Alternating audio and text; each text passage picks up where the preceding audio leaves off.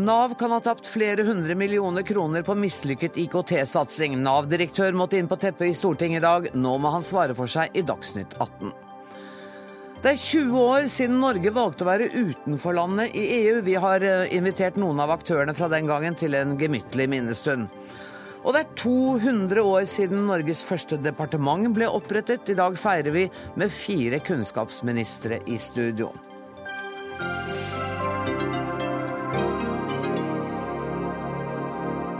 Dette er fredagsutgaven av Dagsnytt 18, der vi også skal møte Nav-direktør og riksrevisor. Det blir litt senere i sendinga. For i dag har vi valgt å begynne med en historisk markering. Nå ser det ut som det er nei-sida i Norge som vinner kampen denne gangen også.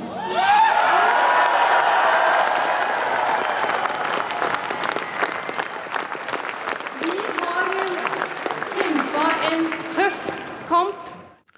Finnene hadde sagt ja, svenskene hadde sagt ja, og hele ja-siden i Norge bare ventet på at vi skulle bli tatt av svenskesuget da vi som tredje nordiske land gikk til valgurnene for 20 år siden i dag.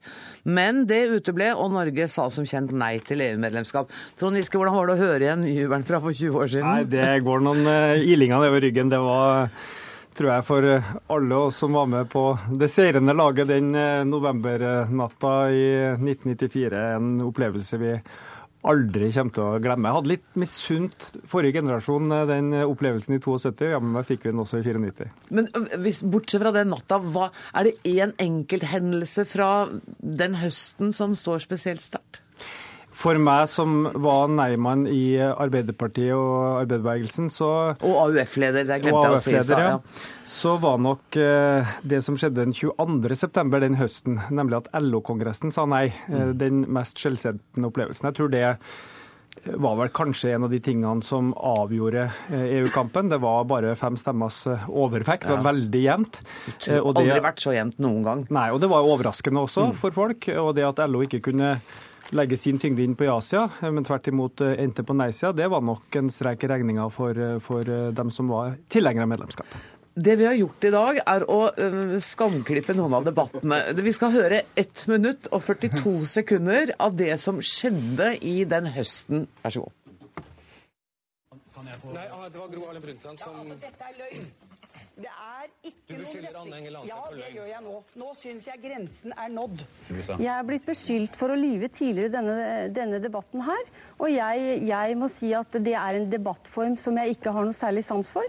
Ja, Vi mener at det ville være aldeles galt av Norge nå å stille seg utenfor det samarbeidet og den prosessen Ja, som, he som hele Vest-Europa kanskje kommer til å være med i, da minus Norge. Det er utenforlandet.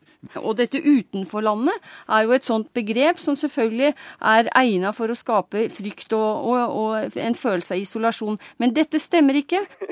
Ja, det kan jo ikke være noen tvil om at Astrix er en eh, ihuga eh, nei-mann. Nå er det vel Romerriket han eh, kjemper mot, og ikke Romatraktaten. Men, men den galliske, galliske liten, lille byen sin sjørollerett står jo meget høyt på dagsordenen i hans liv, ja. Romerne er ut da! Nå holder du stryteppe! Hører du? Det har jo kanskje ikke vært så dumt med en liten mirakel liksom, og styrkedråper når det nærmer seg innspurten. Vi får se om vi trenger det. Blir det regelverket som nå måtte komme heretter på noen punkt altfor galt, så har vi faktisk en vetorett. Vi blir bundet til en politikk, en økonomisk politikk styrt fra Brussel, som i hovedsak er som Høyres politikk.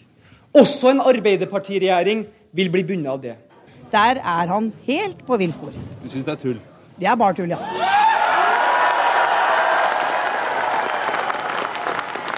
Eh, og, og det betyr jo at eh, det norske folk har talt.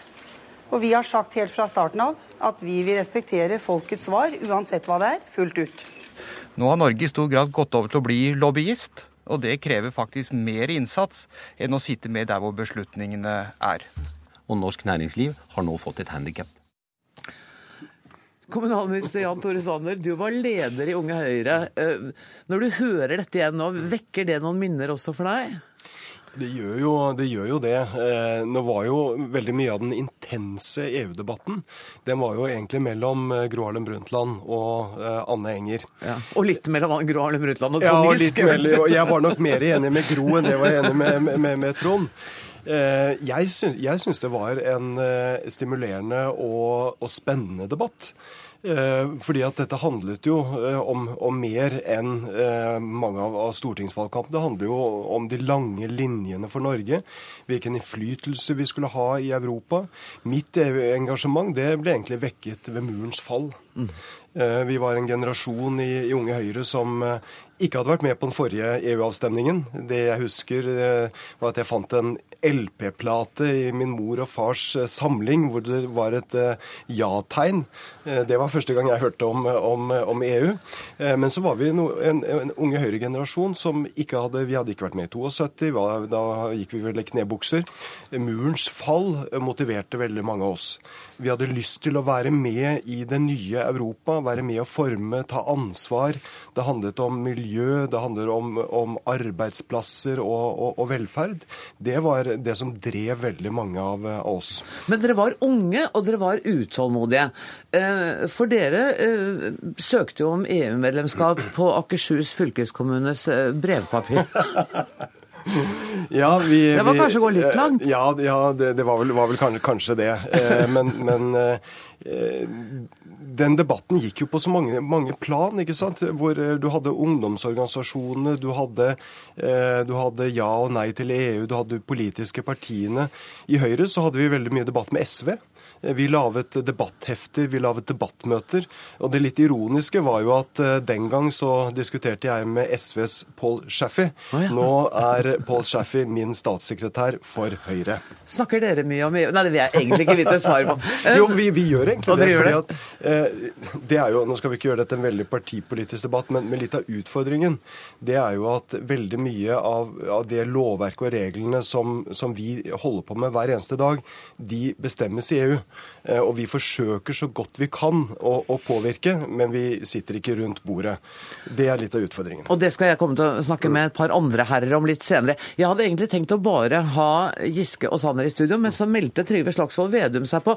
Jeg tenkte at du egentlig var for ung til å skulle få lov å være med i denne debatten, for du var vel 15 år under eh, EU-avstemninga? Ja, jeg var eh, ungdomsskoleelev da, ja. Ja.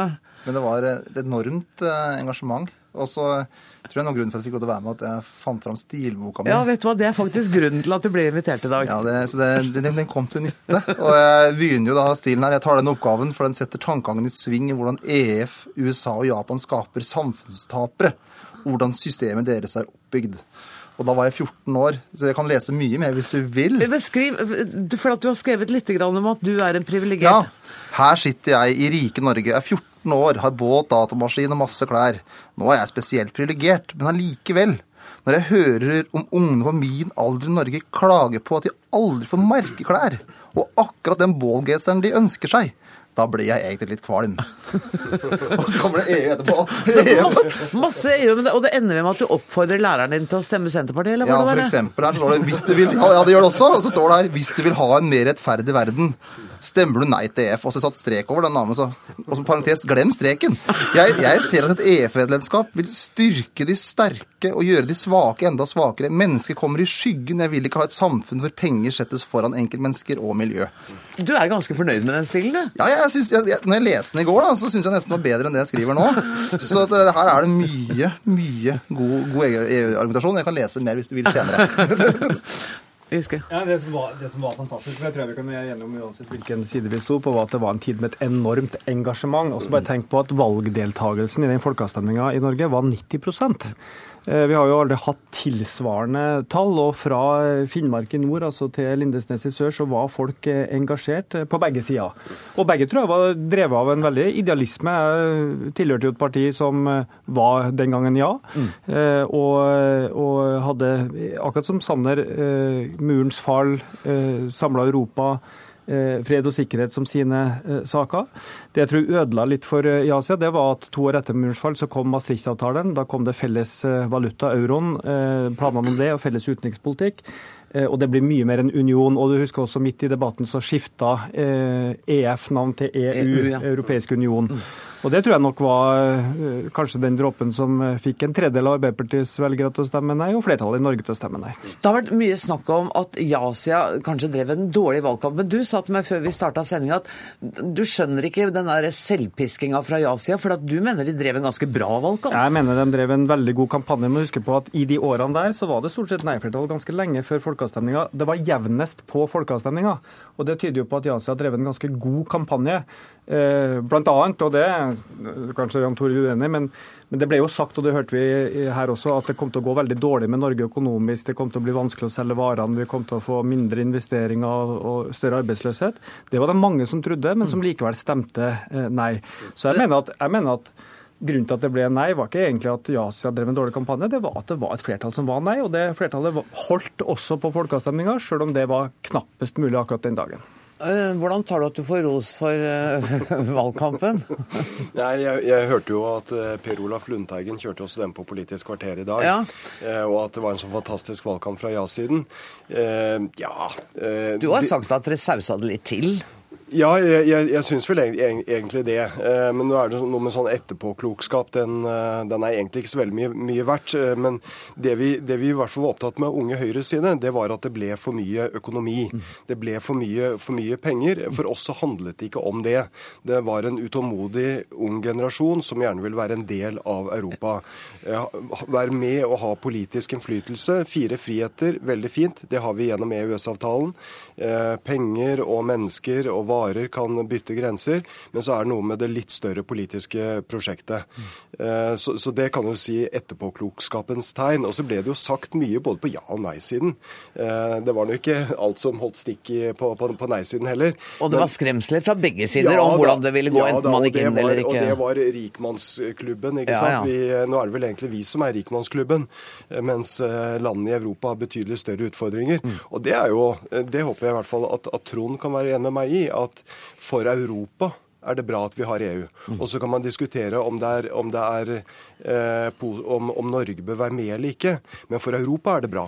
Jeg ville synes det var en veldig kunne vært en veldig, eh, veldig usikker situasjon med, med, den, med, den, arbeidsledigheten og økonomiske problemene som mange av Europas land har i dag, hvis ikke du hadde hatt EU. Så for fred, for sikkerhet, for miljø og fattigdom, så mener jeg at EU er bra for Europa. Jeg trodde at EU-debatten var død, men nå tror jeg jammen vil har piska den opp igjen, eh, Slagsvold Vedum. Ja, for at, nå skulle vi ha en gemyttlig tone, men det må gi lite svar der. for at Når du ser euroen, så har jo den vært en katastrofe for den europeiske økonomien.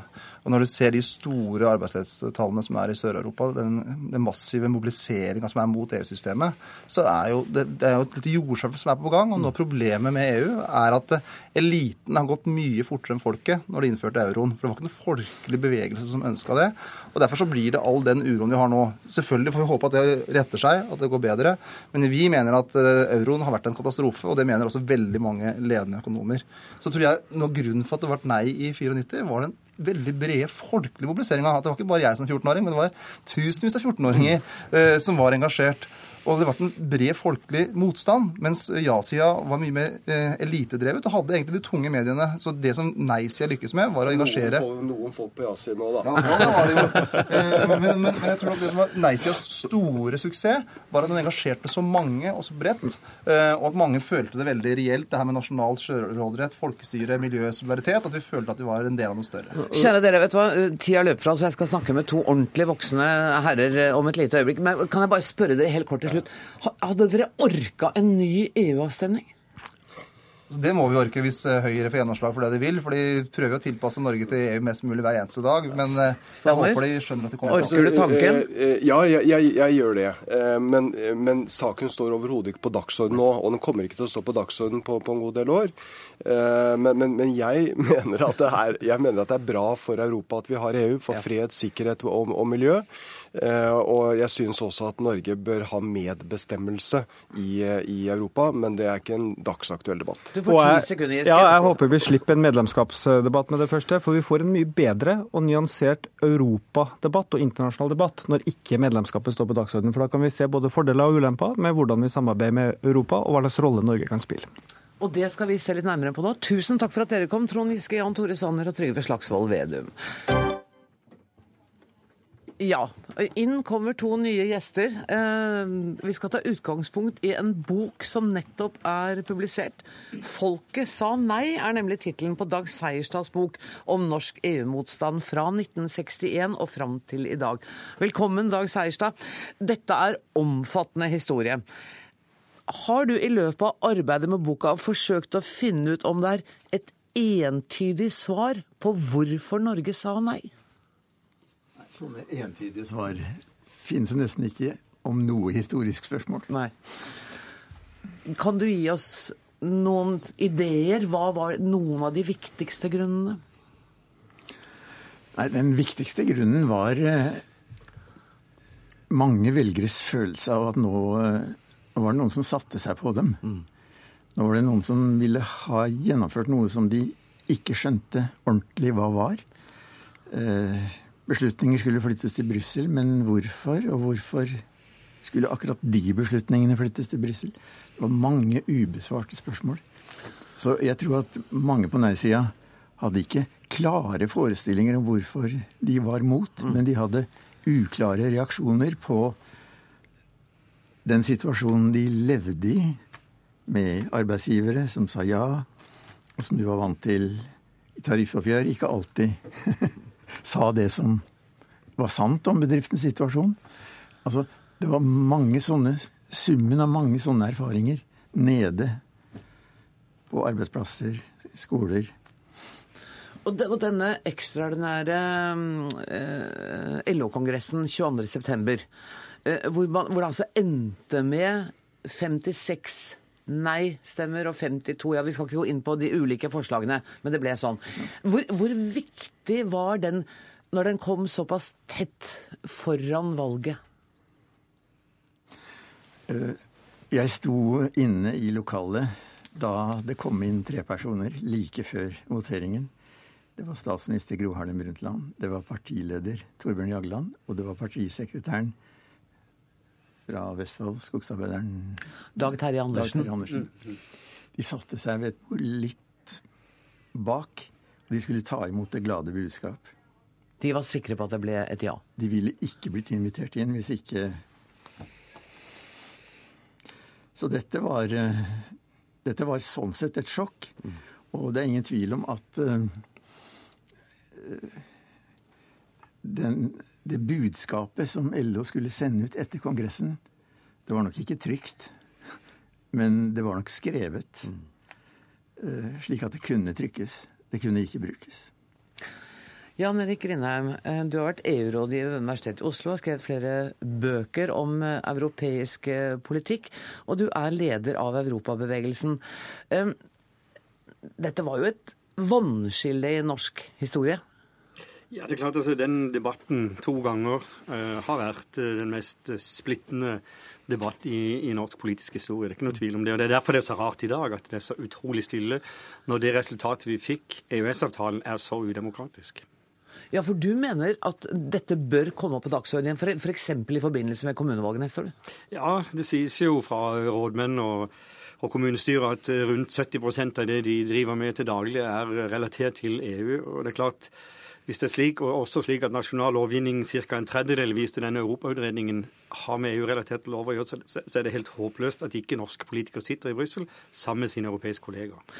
Henrik Kvadsheim, som er leder for Europabevegelsen i Rogaland, som du sikkert kjenner, han spør i en kronikk i VG i dag om nei-siden egentlig har så mye å feire, siden vi eh, egentlig har tre fjerdedeler av EUs politikk på vår agenda. Er du enig med han i den beskrivelsen? Det er en veldig, altså, en veldig flott bok. Høyestad har skrevet en nydelig bok med masse fine bilder og mange gode eh, minner. da. Men, men jeg vil nok si at uh, det uh, hovedargumentet, i tillegg til den usikkerheten som tror jeg er veldig viktig, hovedargumentet var uh, nei til sentralisert makt, ja til folkestyre.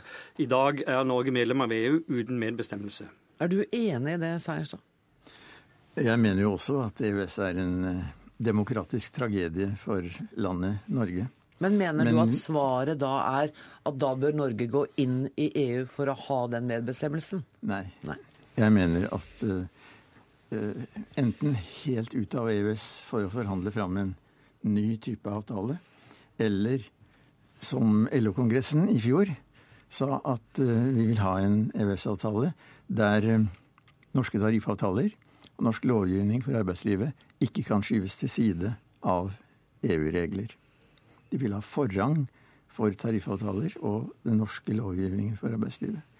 Hvis det var mulig å få til, så ville EØS begrenses på det området der det har mest skadelige virkninger og mest provoserende virkninger. Som er på arbeidslivet. Er du enig i at vi burde trekke oss ut av hele EØS-avtalen og så kanskje prøve å reforhandle, eller begynne å forhandle en særavtale for Norge?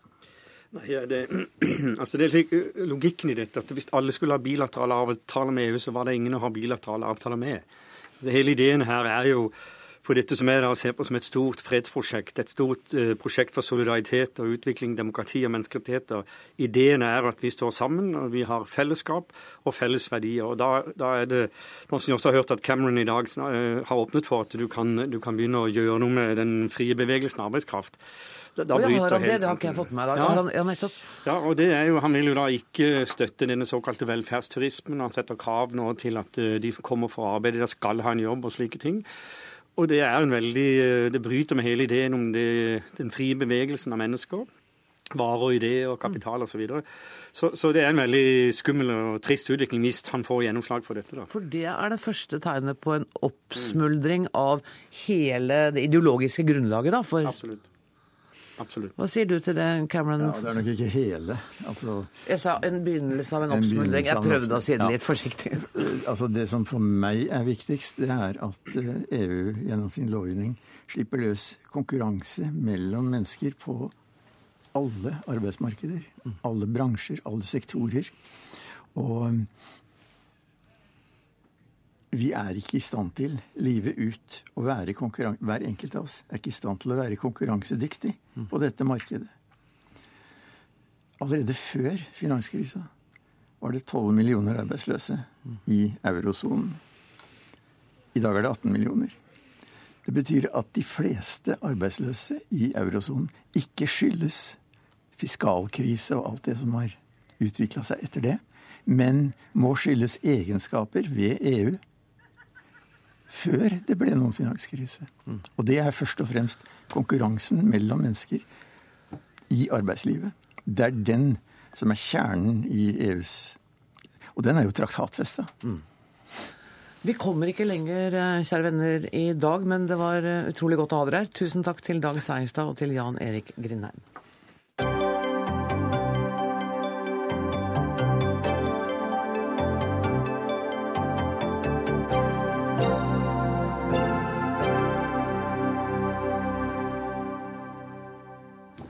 Det er litt deilig. Vi går fra den ene feiringa til den andre i dag. Eller for noen var det feiring. Uh, og nå er det noe som alle kan være enige om skal feires, for det er Kunnskapsdepartementets 200-årsjubileum.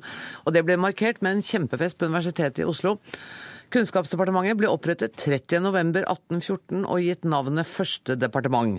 Dagens kunnskapsminister og tolv tidligere statsråder var med på feiringa. Dagsnytt 18 har da samlet fire av dem her. Velkommen Kristin Clemet, Kristin Halvorsen og igjen velkommen til Trond Giske. Og til kunnskapsminister Torbjørn Røe Isaksen. Gratulerer med dagen, eh, statsråd. Tusen takk. Du holdt tale på dagens jubileumsarrangement. Mm. Hva var det viktigste budskapet ditt? Nei, det var, uh, Først var det å takke de som jobber i Kunnskapsdepartementet, selvfølgelig. Og så var det at um, veldig enkelt så er kunnskapspolitikken, eller utdanningspolitikken, har jo gått egentlig hånd i hånd med utbyggingen av det moderne Norge. Mm. Så hvis man, uh, hvis man, er interessert i norgeshistorie, så er utdanningspolitikken en veldig, veldig interessant vei inn. Jeg har tenkt å spørre dere alle et likt spørsmål, og det er hvilken utdanningssak som du jobber med, syns du er den aller viktigste? Hvilken utdanningssak ja. jeg jobber med, syns jeg er den aller mm. viktigste. Mm. Eh, er det lov å svare så overordna som kunnskap i skolen? Nei, det er da, da For da vil de andre bare ja, si ja, men, det da si, men da vil jeg si lærerløftet vårt. Det er Lærer, det viktigste. Lærerløftet. Eh, jeg leste talen din, eh, så det var litt latterlig at jeg spurte deg hva, hva, som var poenget ditt. For jeg la merke til at du bekjemper byråkrati, mm. sa du i talen. Så lenge byråkratene ikke jobber for deg har det forandret din forståelse av byråkratiets betydning, det å bli kunnskapsminister? Ja, det, det, tror jeg skjer med alle. Mm. Eh, og ikke betydningen altså, det, det, har jo kommet kutt i departementet under denne regjeringa, og det har eh, egentlig gått helt fint. Men det er klart man ser jo at departementene består av veldig flinke, engasjerte, dyktige folk som har veldig god fagkunnskap, og som vi er helt avhengig av, av som politikere for å kunne gjennomføre politikken på en klok måte. Da går jeg til Trond Giske og spør deg. Eh, hvilken utdanningssak som du jobba med, var den aller viktigste? Fra min tid, mm. så tror jeg det som hadde mest betydning der og da, det var at vi fikk til et skikkelig lærerlønnsløft. 50 000 mer til lærerne og eh, noen reformer i arbeidstidsordninga. Det fikk lærerne ut av en veldig sånn negativ spiral og negativt snakk om læreryrket og endra eh, stemninga. Eh, men på lang sikt så var det nok eh, reformen i høyere utdanning, hvor vi gikk fra eh, cand.mag. og hovedfag til bachelor og master. Innførte mer intensiv undervisning, innførte et eh, studiefinansieringsløft, men også en konverteringsordning hvor du ikke fikk stipend hvis ikke du fullførte studiene dine. Det var en stor, viktig reform som ble stående. Det, jeg går litt fram og tilbake i tid her, for jeg tar det liksom sånn som dere sitter eh, rundt bordet. Kristin Halvorsen, den viktigste utdanningssaken din? Det, det, største som ruver etter oss på kunnskapsområdet, er jo barnehagereformen. At alle barn eh, får barnehageplass, betyr at eh, de fleste barn får en god start før de begynner på skolen. Og man lærer mest når man er minst, så det er veldig, veldig viktig. Og så vil jeg jo si at å slå ring om fellesskolen og være tydeligere på mål og tilbakemelding på elevene, det er også utrolig viktig. Kristian Klemme. Den største reformen og største oppgaven jeg hadde, det vil jeg si var å utvikle og foreslå og få vedtatt eh, reformen Kunnskapsløftet eh, for grunnskole og videregående opplæring, eh, som etter min oppfatning kom som en følge av overveldende dokumentasjon om norsk skole, som for første gang viste oss hvordan det sto til. Og så sto det ikke fullt så bra til som vi hadde håpet og trodd. Og som ledet til min oppfatning på begynnelsen av 2000-tallet til et slags paradigmeskifte i den utdanningspolitiske debatten, hvor alle ble mer opptatt av det faglige innholdet og kunnskapsinnholdet i skolen. Og det har du jo rett i, at det var et paradigmeskifte. For da, da begynte vi alle, som du sier, å, å være opptatt av det. Men du har jo også fått mye kjeft for det. Er det sårende når man går inn med en sånn kraft og, og vil reformere, og så møter den type motstand? Det, altså, det gjelder dere alle? Nei, altså Jeg føler ikke at jeg har fått mye kjeft for det. Det var kanskje et par andre ting jeg gjorde som var mer kontroversielt. fordi Kunnskapsløftet hadde, fikk veldig bred oppslutning i Stortinget. Hadde veldig god oppslutning i lærerorganisasjonene. Og i det hele tatt i, eh, og var bredt forankret i, i Skole-Norge. Så det vil jeg ikke si var Det var et veldig stort arbeid. Ja. Veldig krevende arbeid. Men, eh, men, jeg vil ikke si at akkurat det var kontroversielt. Derimot så kanskje du tenker på at vi før Kunnskapsløftet innførte nasjonale prøver for første gang i Norge. Og jeg sto jo også bak overføringen av forhandlingsansvaret eh, fra staten til kommunene. Og det er klart at det var to ting som var kontroversielt da det kom. Eh, men nasjonale prøver har jo kommet for å bli allikevel. Det har endret seg noe. Vi skal ikke ta noen diskusjon her om det har blitt bedre eller dårligere, men, men det har i hvert fall kommet for å bli. Og senest i dag hørte vi et foredrag om hvor viktig det har vært for å kunne eh, få kunnskap om hvordan det egentlig står til i skolen. Kristian. Ja, jeg tror det som var en veldig viktig eh, erkjennelse etter eh, Reform 97, det var at det var for mye utydelige mål i, i skolen. Og for lite tilbakemelding og for lite systematisk arbeid og vurdering. Og det eh, har vært jobba med systematisk eh, i norsk skole eh, siden. Men jeg tror det var veldig viktig at vi klarte å få til et samarbeid med lærerorganisasjonene når vi kom inn i 2005 om hvordan du skulle plassere de nasjonale prøvene, hvordan de skulle utformes, og at vi avblåste det store privatiseringseksperimentet som, eh, som lå der. Men i dag, når vi, feirer, ja, men, når vi, feirer, 200 år, så, det, så syns jeg det er ålreit å ta et litt sånt overblikk og være litt eh, raus. Fordi det er utrolig mange lærere i norsk skole som har jobba veldig systematisk for å heve kunnskapsnivået. Og det skal Kristin Clemet ha sin del av æra for, det skal Trond Giske ha sin del av æra for. Og uten å være for beskjeden, så tror jeg jeg kan si at vi og jeg også har en del av æra for det. Sånn men ikke Torbjørn Røe Isaksen? Jo, men han er jo du, er, du, følger opp den biten der. Men det, det, jobbes mye mer systematisk med de tingene der nå i norsk skole enn det gjorde før. Og enda er det lenge til vi er i mål, Kristin. Men, men, dette skiftet hvor man uh, turte å satse litt mer på faglighet og kunnskap igjen, det artet seg, kom jo også frem på andre måter. Uh, jeg var med og etablerte de første sentrene for fremragende forskning, og bare 10-15 år før det så var sånne ting også kontroversielt. Forskning er jo per definisjon etter min oppfatning en eliteaktivitet mobilitet. Og hvis vi skal ligge i kunnskapsfronten, så må vi tørre å ha noen elitesentre. Og det er det også politisk omforent nå, men det var også kontroversielt tidligere på 90-tallet og på 80-tallet. Da skulle man ikke satse mer på noen enn på andre. Så det har skjedd et skift. Og så er det selvfølgelig om å gjøre at man ikke går i den motsatte grøfta. Eh, skole er også, også dannelse. Selv om det ikke er noen åpenbar konflikt, så skal, er det flere hensyn å ta for, ta for skolen. Og i dag så mener jeg at eh, skolen som et sted for sosial integrasjon og mobilitet, som det alltid har vært historisk, har blitt viktig på nytt. Eh, Bl.a. fordi vi har fått så mange innvandrere til Norge. Vi feirer jo 200 år, og egentlig handler jo det om en fantastisk historie hvor mange flere mennesker har blitt inkludert i eh, samfunnet, fått mulighet. Altså Det er ikke mer enn ca. 50 år siden vi fikk eh, niårig grunnskole, hvor vi eh, fikk ungdomsskolereformen. Eh, vi fikk eh, Reform 94 for 20 år siden, hvor alle fikk rett til videregående utdanning. Så vi snakker egentlig om en ganske kort historie hvor vi har utvida utdanninga til eh, alle. Og det er helt riktig som Kristin Clemet sier, vi er mer kunnskapsbaserte. Det er nødvendig å ha nasjonale tester som gir oss informasjon. Jeg fikk innført i min tid den elevundersøkelsen, som er nå den som forteller oss om mobbesituasjonen i skolen, f.eks. Men samtidig må vi bare erkjenne at vi er jo overhodet ikke i mål. Én av fire fullfører ikke videregående skole, verken med studiekompetanse eller med fagbrev. Veldig store sosiale forskjeller. Er du gutt og har eh, foreldre som bare har grunnskoleutdanning, så er det bare én av tre som kommer seg gjennom videregående skole. Så vi har en formidabel oppgave å fortsatt bruke den kunnskapen vi samler, til å gjøre skolen enda bedre. Bruke pengene på skole, eh, og sørge for at alle får en likeverdig mulighet. For der er vi ennå ikke i mål 200 år etter vi starta. Og da eh, havna ballen helt klart på din høyre fot igjen, Torbjørn Røe Isaksen. Mm. Og det er, det er jo noen problemstillinger som går igjen i norsk skole. Bare for å ta først litt, eh, det litt lange perspektivet, så tror jeg at vi ser at etterkrigstiden så fikk vi en, en tiltagende radikalisering rundt skolen. Eh, som kanskje kulminerte på 60-70-tallet. Eh, og så ble den gradvis mindre og mindre. Og så mener jeg at det, et, det skjer et skifte på slutten av 90-tallet, særlig på begynnelsen av 2000-tallet, med Kristin Clemet som kunnskapsminister.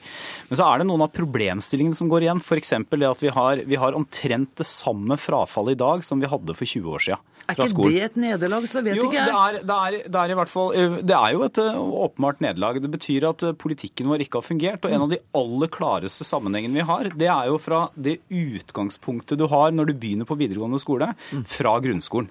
Hvis du har karakteren to i snitt fra grunnskolen, så er det 12% av de som klarer å gjennomføre et videregående skoleløp i løpet av normert tid.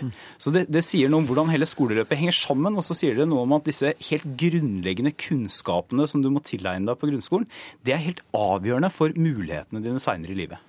Kristian Det er det samtidig må vi jo si at det er ikke for seint. Hvis det er noen som har noen kunnskapshull med seg, så kan vi ikke gi opp eh, 14-15-16-åringer. Og heldigvis er det sånn at når, vi, eh, når man måler norsk befolkningen litt seinere, så er det ganske mange som tar videregående opplæring og fagbrev i voksen alder. Og det sier jo noe om at dette lærings... Altså, du lærer hele livet. Og veldig mange har eh, muligheten, selv om de kanskje har noen kun- kunnskapshull med seg. Men, Men frafallet er for stort, Det, altså. er, det jobbes mye mer systematisk med det også nå. Jeg håper vi snart ser noen flere resultater. Men det er jo helt riktig at hvis vi kommer i gang tidlig, hvis unger som strever med å lese og skrive oppdages tidlig, så kan du både lære å lese og skrive bedre, men du kan også sørge for at de trives på skolen, og at det er noe positivt i forhold til læring. Og da lærer man selvfølgelig mye mer. Altså jeg syns vi snakker litt for negativt om dette med frafall. Husk på Det er historisk helt nytt at man prøver å få alle i et kull gjennom 13 års skolegang. Det har aldri før skjedd i historien. Eh, og man kan kanskje spørre seg er det mulig. Eh, kanskje vi må å tenke litt annerledes om dette her. Eh, og det er jo mange av de som kanskje ikke kommer igjennom, som også greier seg bra i livet. Jeg vil peke på noe annet som norsk skole greier. De greier altså å få barn av innvandrere som begynner i norsk skole, som kommer fra hvor foreldrene ikke har noe utdanning i det hele tatt, og få de gjennom skolegangen slik at de i dag er bedre representert i høyere utdanning, både gutter og jenter, enn befolkningen generelt. Så norsk skole bidrar enormt mye til sosial mobilitet, særlig blant den gruppen som hvor det nå er mest aktuelt. Og frafallsproblematikken, det er mulig vi skulle snakke litt mer positivt om det, for det er ikke sikkert at det går deg så ille her i livet, selv om du ikke gjennomfører 13 års skolegang, eller gjør det litt senere. Mm. Da er det kanskje ikke det store nederlaget, da, Risaksen? Ja, altså jeg, jeg er enig i at for, eh, for mange som eh, dropper ut av videregående skole, så går det veldig bra. For de kommer seg inn i arbeidslivet, og det er utrolig mye læring i arbeidslivet i Norge. Samtidig så vet vi jo at frafall også henger tett sammen med altså De er overrepresentert på mange av de negative statistikkene også. Men det jeg er enig med Kristin Clemet i, det er, eh, som jeg tror alle her er enig i, og det er at grunnmuren i norsk skole er etter hvert blitt veldig sterk. Altså Vi har lærerne stort sett trives på jobb, elevene stort sett har det bra på skolen, og vi har også et mye bedre læringstrykk. altså der Kunnskapsidealet står mye sterkere i norsk skole i dag enn det gjorde for sannsynligvis 20 år siden. Så Deilig å grunnmuren vår høre er sterk. At dere er litt optimister sånn på tampen. Jeg har tenkt å kaste dere ut. Jeg må bare spørre, Har dere tenkt å gå og feste sammen nå, eller? Ja, det skal du. Du sa det har vært fest. Det bare at møtete nå. Nå skal vi feste. Nå skal dere feste! Å, skal Å, jeg skulle ønske jeg kunne være vi med. Du, Ha det kjempehyggelig, og igjen gratulerer med dagen til dere alle sammen.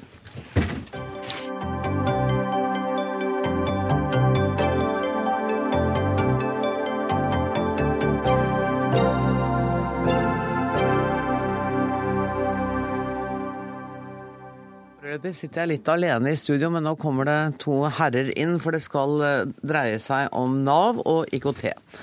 Gamle datamaskiner og en vrimmel av ulike og utdaterte datasystemer skulle bli historie i Nav. Én felles IT-plattform skulle sørge for økt elektronisk kontakt mellom brukere og saksbehandlere, og for at du og jeg skulle få mer effektiv hjelp. Over 3 milliarder kroner ble satt av, men etter at 700 millioner kroner var brukt, innså Nav at de ikke ville komme i mål og skrinla prosjektet. Og nå er spørsmålet hvor er det blitt av pengene? Og vi skal snart få inn Nav-direktøren i studio, men aller først riksrevisor Per Christian Foss. Det var på grunnlag av din årsrapport at Stortinget i dag arrangerte høring om IT-satsingen til Nav. Hva var hovedbudskapet i din rapport? Vi eh, ga egentlig et varsko om at manglende modernisering av IKT-systemer, som du har omtalt, ligger så langt etter at Nav kan få problemer i fremtiden med å løse sine primæroppgaver. Altså betjene sine klienter på, med, til riktig tid, riktige tjenester og riktig kvalitet. Det du beskriver da, er jo ikke et IKT-problem, men et velferdsproblem. Det er et ledelsesproblem, og det er et IKT-problem, og til syvende og sist kan det bli et velferdsproblem. Hva var det som gjorde at det gikk så gærent? Ja, Det skulle Nav-sjefen svare på i dagens høring, uten at jeg må si jeg sitter igjen med noe klart svar. Men generelt har vi påpekt at det som ofte i Nav og andre steder er feil med, eller mangler ved IKT-prosjekter, det er at man ikke ser eh, risikoen ved prosjektene. De er for komplekse, som det heter. Og man har kanskje i Norge også en tendens til å ville utvikle fremfor å se om det er kanskje noe man kan kjøpe som er tilpasset. Som ikke gjør det så vanskelig. Og så er det et gjennomgående erfaring i offentlig sektor, må vi kunne si, at eh, ledelsen ikke har den tilstrekkelige nærheten til prosjektene. Eller for å si det på en annen måte, de, er, de har ikke IKT-kompetanse nok. Det nytter ikke bare å stole på konsulenter og, og uttalelser fra utenfra, men eh, ledelsen må ha et eierskap til prosjektet. Jeg Og så kritiserer vi, og legger legge til det også, departementet fordi at eh, departementet må være foroverlent og være på, ha kontroll med prosjektet. Det finnes eksempler på at det har gått bra i offentlig sektor. Og da er departementet eh, veldig påpasselig med rapporteringer, ikke bare venter til man får beskjed om at det går gærent. Jeg brukte tallet 700 millioner til å begynne med. Det betyr ikke at det er 700 millioner som er gått tapt, men det var etter at det var brukt 700 millioner at man slo alarm. Vet du hvor mange millioner kroner som er borte? Nei, det har ikke Riksrevisjonen gått inn i. For vi har avsluttet vår gjennomgang i, ved utgangen av 2013. Men jeg registrerer jo at en, en viss interne revisjon i Nav sier at eh, en betydelig del av dette beløpet kan hentes inn, så vi kan ikke slå fast at så mange millioner er tapt. Men det å tape, det å ligge etter i tid, det er kanskje det største problemet her. Martin Goldberg, leder av kontroll- og konstitusjonskomiteen på Stortinget. Hvordan vil du karakterisere det som har skjedd? veldig, som veldig beklagelig. Eh, For jeg vil ikke blunke med å si at det ikke er et velferdsproblem. Det mener jeg faktisk at det er. For eh, Nav skulle jo være det store strukturelle løftet for å virkelig å sørge for at vi hadde en skikkelig orden på alle de tingene som er veldig betydningsfulle for folk. Og Det er mange hundre tusen, for ikke å si millioner av brukere i Nav i, i året, og som er en, en av hjørnesteinene i samfunnet. Og etter syv-åtte års virksomhet så har vi altså ikke fått det helt på plass. Fikk du de svarene du hadde håpet på i dag? Nei. Eh, Fordi, og det er et eh, betydelig utropstegn og et tankekors, syns jeg. Jeg er enig i det som riksrevisor sier her, at eh, vi sitter ikke igjen med noen klare svar. Vi sitter igjen med noen indikasjoner på hva som har skjedd. Og det er helt åpenbart her at de som har sittet med ansvaret for dette, det gjelder ledelsen i Nav, men også i departementene, må virkelig ta det inn over seg at vi nå sitter i en situasjon hvor vi altså ikke har en helt klar mening om når det er vi kan komme i, til mål med IKT-rustningen. Det finnes en plan som sikkert eh, Nav-direktøren vil redegjøre for, men det, jeg vil si det hefter en god del usikkerhet også med det. Jeg, jeg har bare lest overfladisk om dette i dag, men en, altså det er flere hundre eh, systemer. Tolv hovedsystemer, men flere hundre undersystemer. Noen av dem er fra 1978. Altså, meg sjokkerer det at ingen har oppdaget det før. Ja, Det er jo oppdaget. og Det er jo derfor man satte i gang disse store prosjektene. Og det er derfor Stortinget ble invitert til å bevilge 3,3 milliarder kroner. Ja, Unnskyld å det ble satt i gang i 2010. Systemene er fra 1978, Kolberg. Ja, det er riktig. Og det er jo satt i gang veldig seint. Men man måtte først få på plass strukturen i Nav. Så mye må vi innrømme det. Altså den organisatoriske strukturen. Og så måtte man gå løs på IKT-utfordringen. Og det var derfor Stortinget gjorde disse bevilgningene. Men så har det også jo strandet slik som det beskrives her. Og det var det som var utgangspunktet for dagens høring. Hvorfor har det strandet? Og der har vi ikke fått noen ordentlige svar. Vi har fått en del hypoteser rundt hva det er som har skjedd, men ikke hvorfor. Fordi at Det er riktig som eh, Nav-sjefen sa i høringen i dag, at det var for dårlig planlegging, var for stor risiko, vi gapet for høyt, for å si det litt enkelt her nå. Men hvorfor gjorde man det, er et godt spørsmål. Når man altså bruker hundrevis av millioner kroner på konsulenter, som skulle i hvert fall forstå dette, og allikevel ikke klarer tidsnok å slå alarm. Og Det var jo et av komiteens absolutt spisseste deler i dag. Man konfronterte de selskapene som har delvis ansvar for dette, om hvorfor de ikke hadde slått alarm, og heller ikke de svarer. Slik at her er det fortsatt en del spørsmål og en del utropstegn som jeg eh, må slite med i komiteen. For vi må finne en mening om dette, hvorfor det har skjedd. Og vi må invitere Stortinget til å ha en mening om det for allerede før jul, faktisk. Nå sa Nav-direktøren under høringen i dag at uh, skuta er på rett kjøl. De har tatt mange grep. Er du uh, helt beroliget av det han sa? Jeg, jeg, har, jeg ikke noen grunn til å ikke stole på Nav-direktøren når han sier det. Og eh, det som jo skjedde helt på slutten av høringen, var jo at sittende statsråd ble Uh, ja, jeg, skal ikke bruke, jeg bruker uttrykket konfrontert, men jeg, jeg mener ikke helt sånn. Han ble spurt om han har kontroll med Nav. Og da svarte han ja på det. For de må huske på én ting med dette. fordi at vi skal være forsiktige med å gi liksom alt ansvaret over til Navs ledelse. Skal vi være litt forsiktige. Fordi disse prosjektene som har stanset, har vært kvalitetssikret av departementene. Også Slik- departementet under den rød-grønne Ja, ja, ja, ja. Det har ikke noe Absolutt. absolutt. Mm. Slik at det har vært kvalitetssikret av departementene. sånn at de har stilt seg bak disse prosjektene. Men de stilte seg også bak å stoppe det tidsnok. Og det var bra. Men da skylder man på planleggingen, og så må man da spørre hvorfor er det slik at vi har en planleggingsprosess i så viktige deler av statsforvaltningen som ikke ser de utfordringene som kommer på en slik måte, og for noens vedkommende faktisk også etter advarsler. Per Kristian Foss, helt til slutt. eh, Hvordan, hvordan følger dere opp, eller hva er liksom den videre prosessen fra din side her nå? Jeg registrerer at både Nav-sjef og statsråd nå sier at man har full kontroll. Samtidig som man sier at man jo ikke vet hvorfor det gikk galt. Det eh, er jeg karakterisere som en risiko. Og Da skal man være glad for at vi hvert år leverer rapporter eh, om oppfølging av Stortingets vedtak, også i forhold til Nav. Og Det kan man være helt sikker på at det kommer rapporter for 2014, 2015, 2016 og, og fremover. Da får jeg bare si at jeg håper både Nav-sjefen og statsråden har helt rett. Tusen takk for at dere kom til Dagsnytt 18, Martin Kolberg og Per Christian Foss. Inn i studio kommer Nav-direktør Joakim Lystad, som eh, også eh, forklarte seg i stortingshøringen i dag. Jeg så gjennom vinduet mitt eh, her Lystad, at du satt og hørte på det riksrevisor og leder av kontrollkomiteen satt og, og sa. Hvordan reagerer du på det du har hørt de siste minuttene nå, med den kritikken som kommer både av deg og departementet? Det er en alvorlig kritikk, og det er det jo grunn til når vi eh, antagelig har tapt mellom 110 og 170 millioner kroner, eh, og kan ha tapt mer.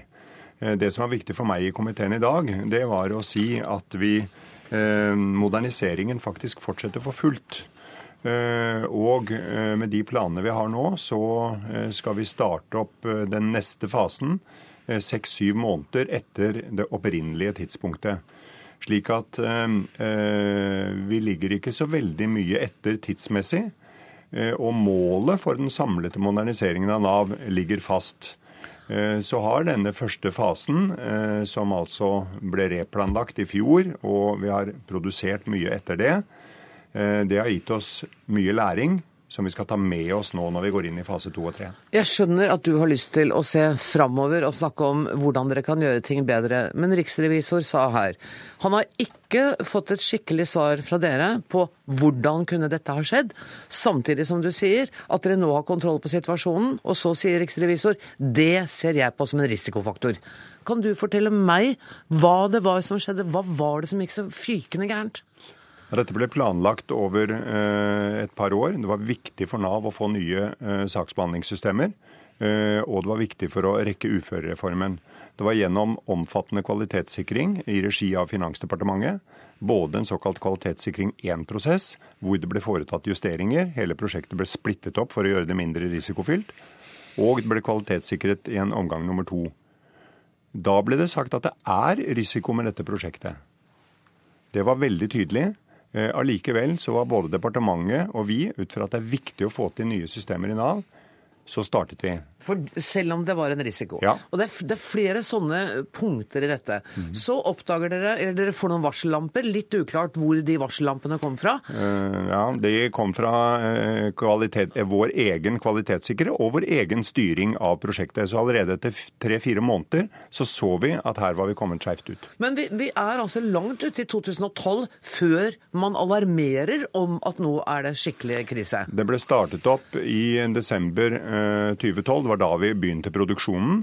I eh, mars-april eh, så vi faretegnene og orienterte departementet. I juni eh, tok vi beslutning om å gjøre dette på en annen måte for å rekke uførereformen nå 1.1.2015. Hva vil du si til alle de hundretusener av Nav-brukere som nå sitter og hører Dagsnytt 18, og får vite at kanskje 200-250 millioner kroner er sløst bort? Ja, det viktigste jeg vil si til dem, det er at vi, eh, driften vår er stabil. Folk får pengene sine. Det er det aller viktigste. Nei, det, ja, unnskyld meg. Det viktigste er at dere har sløst bort 200 millioner kroner på tull. Eh, vi har lært utrolig mye gjennom den første fasen, som vi tror gjør at vi vil klare å levere bedre i fase to og tre. Men det er alvorlig at vi har tapt penger. Eh, Det var en risiko ved dette prosjektet, og den risikoen slo til. Er det rimelig at læringsprosessen i Nav skal koste skattebetalerne 200 millioner kroner? Nei, det er svært beklagelig. Eh, Men eh, denne type prosjekter, som er beregnet til 3,3 milliarder kroner alt i alt, vil alltid ha risikopunkter i seg. Det er det i ethvert stort IKT-prosjekt. I dette tilfellet så slo de risikoene inn. Vi eh, endret kurs veldig tidlig. Det har redusert tap i forhold til hva det kunne vært. Men det er helt klart at dette er beklagelig. Hvordan, eh, Du har sagt at Jeg skjønte det med at dere er nå går inn i i fase to, og dere skal kvalitetssikre. Eh, Du mener nå at du har full kontroll, samtidig som du sier at det alltid vil være en risiko forbundet med den type store prosjekter. Hvordan vil, hvordan vil du jobbe nå for å redusere den risikofaktoren? Ja, det vi kommer til å gjøre annerledes eh, fremover nå, eh, det er at vi, eh, vi eh, vil eh, vi, vi ville for mye for fort, altså vi gapte for høyt. Eh, Vi hadde for dårlig prosjektstyringskompetanse, det å styre et så stort prosjekt. Vi hadde for lite fagstyring, vi var for teknologisk orientert, slik at fagstyringen ble for dårlig. Eh, Og vi hadde for lite ansvarliggjøring av leverandørene. Alt dette har dere gjort noe med nå. de fire tingene der tror jeg er vesentlige årsaker til eh, at vi kom skeivt ut av hoppet i fjor. De tingene har vi gjort noe med, og når vi nå planlegger prosjekt to og tre, så er det selvfølgelig disse erfaringene som vi nå gjør annerledes fremover. Du har vært eh, direktør for Nav siden 2010. Ja. Jeg må bare spørre deg, er du glad i denne jobben? Ja, eh, jeg er det. Det er, den, eh, det er selvfølgelig den mest utfordrende jobben jeg har hatt noen gang. Eh, Jeg må bruke hele meg sjøl alt jeg har lært i hele livet for å klare denne jobben, for den er kanskje en av Norges vanskeligste. Men det er veldig meningsfylt. Det å klare å få Nav på rett kjøl er viktig for hele Norge. Jeg regner med at du sitter der til dere har gjennomført denne reformen. Jeg tar én åremålsperiode av gangen. Tusen takk for at du kom til eh, Dagsnytt 18, Joakim Lystad, direktør i Nav.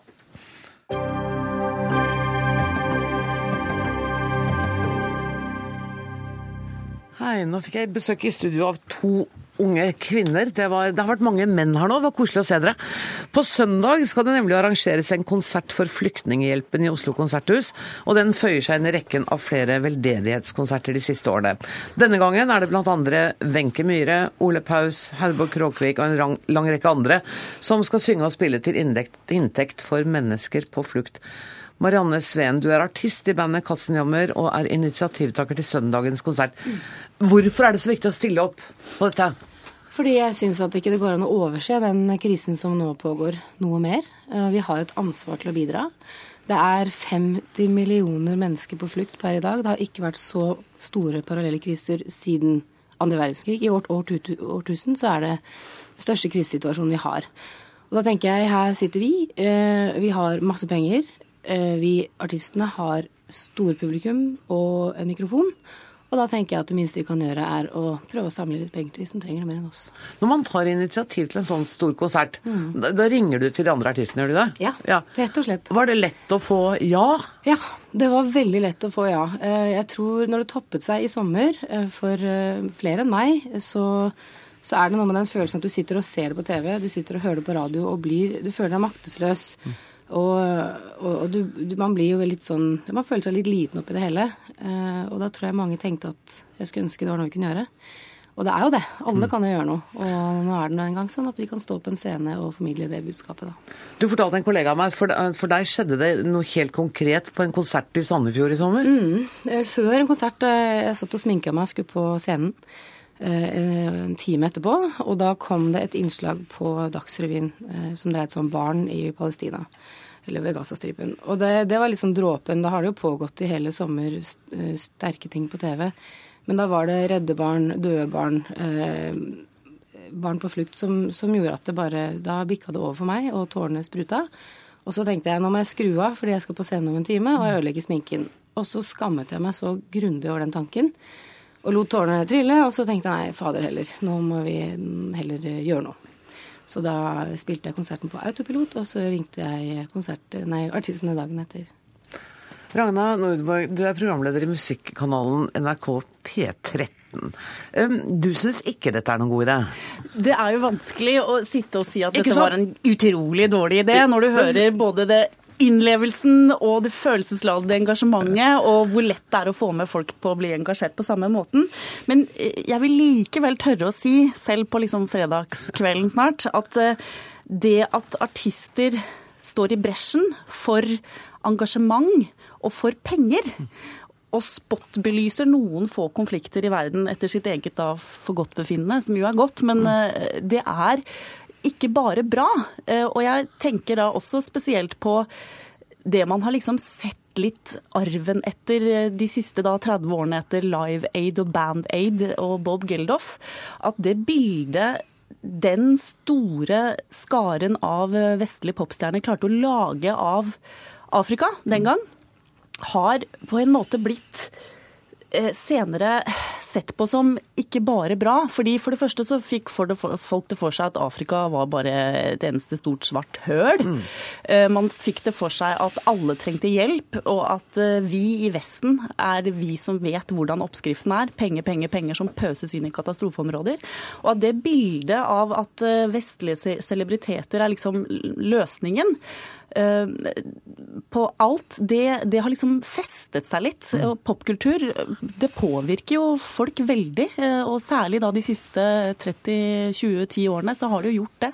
Så, så de derfor er jeg skeptisk. De burde rett og slett la være? Jeg lurer i hvert fall på om ikke um, det å bruke stjernestatusen sin kunne blitt brukt litt annerledes. Hva om de heller hadde, istedenfor dette pengejaget på akutt pengemangel, hadde brukt det på å påvirke Eh, nasjoners politikk. Altså at man heller prøver å gå inn og bruke stemmene sine til å, til å endre faktisk politikk. Til å, til å, gå inn og si at uh, du må putte stemmeseddelen din i riktig, i riktig høl, holdt jeg på å si. Fordi det er det, som, det er det som faktisk forandrer verden, mm. ikke, ikke noen millioner kroner det er kanskje litt krevende å si at dere skal endre landenes politikk istedenfor å gjøre det dere kan, nemlig å musisere? Ja, vi må jo begynne et sted, tenker jeg da. Ja. Eh, og det er unaturlig for meg å begynne å gå banke på stortingsdøra og si eh, jeg syns at dere må bevilge mer penger til eh, Syria eller ta imot flere flyktninger. Det er åpenbart at jeg mener det. Men jeg tenker at eh, i og med at vi har Jeg har 100 000 følgere på Facebook som Katzenjammer. Eh, det er, jeg, det er, ikke det jeg, tjener på. Jeg trenger ikke bruke min status sånn, men jeg har et publikum. Og jeg har en stemme. Og jeg har mange kollegaer som har det samme. Og vi kan rett og slett sette et søkelys på et problem. Men har ikke Nordenborg litt rett i at eh, det man gjorde med Live Aid til Afrika, var å på en måte offer... Det er et dårlig ord. Men gjøre hele Afrika jo, til et, til et offer alle, alle, var synd på. Ingen hadde utdannelse. Vi måtte bare pøse penger der. Ja. At, at, dere står i fare for å gjøre noe sånt. Det er jeg helt enig i. Jeg har vært veldig veldig nøye på å fremme saken hele tiden og samarbeide med Flyktninghjelpen, som veit hva de driver med. De kan eh, bistand, jeg kan musikk. Og sammen kan vi sette søkelyset på en sak som gjør at vi kan samle inn penger. Men først og fremst sette fokus på at det trengs mer. Eh, det trengs mye, mye mer, og alle kan bidra. Alt hjelper. For du vil heller ikke ødelegge dette initiativet og denne lidenskapen for å hjelpe? Jeg vil ikke det, altså. Og det, det, er eh, selvfølgelig eh, et veldig, veldig riktig svar hun gir. Hun velger riktig hjelpeorganisasjon, sånn som i hvert fall jeg er oppdratt til å, å kunne. Ja. Og det er masse bra initiativ, men jeg mener det virkelig at, at uh, glamouren som på en måte må alltid inn for å få folk til å tenke det syns jeg på en måte er feil. Og jeg syns på en måte popkulturen har en enda større kraft i seg enn å bare lage artistgallaer. Men vet du hva jeg tenker når du sier det, så tenker jeg at det har du selvfølgelig helt rett i. Men samtidig, er det musikernes skyld? Eller er det oss vanlige folk som må ha den glamouren for å huske på at vi trenger de penger? Jeg tror dette er en eh, et, en, en, spiral alle er med på. Dette er jo også eh, hjelpeorganisasjonene sitt mm. akutte behov for penger alltid. Mm. Og at de alltid ved å koble artister, eh, store stjerner og publikum og media får til en, en fin innsamlingsaksjon. Det skal sies at det her var det jeg som banka på døren hos de, da. Ja. ja. Men, ja det skal sies. Men, så dette er, en, dette er, jo et samspill som mm. alle liker og alle er veldig godt fornøyd med. Og som vi i media dekker hele tiden. Altid. Hva syns du om Vi må bare spørre om ett spørsmål om den siste Bob Geldof-ideen. Den, eh, den syns jeg begynner å bli meget tynnslitt. Eh, do they know it's Christmas? Som, de, som, da mange afrikanere svarer eh, ja. Vi er over 500 millioner afrikanere som er kristne, så det vet vi veldig godt. Men, men i noen land i Vest-Afrika er det ebola. Marianne Sveen, jeg mente ikke å trekke noen sammenligning mellom Nei, den konserten da. dere skal gjøre, for jeg går ut fra at du har sans for eh, hennes argumenter når det gjelder dette. Absolutt. Dette er to veldig forskjellige saker. Veldig forskjellige saker. Mm. Dere synger og spiller for Flyktninghjelpen. Mm. Eh, er det i Konserthuset? Det er i Konserthuset nå på søndag klokka sju. Det er fortsatt noen få billetter igjen. Uh, og det er en veldig lite glamorøs aften. Det har også vært viktig for meg å påpeke her at det, igjen, saken står i fokus. Vi skal samle inn ulltepper så ikke folk fryser i hjel. Vi skal ikke flotte oss i noe rampelys. Lite glamorøs aften. Det blir som eh, Dagsnytt 18, det. Eh, lite glamorøst her også, bortsett fra at dere kom. Eh, tusen takk for at dere kom, Marianne Sveen og Ragna Nordenborg. Jeg skal bare før dere går avslutte med å fortelle at ansvarlig for sendinga i dag var Ida Tune Øritsland. Det tekniske ansvaret har Finn Lie. Jeg heter Anne Grosvold og ønsker dere alle en riktig god helg.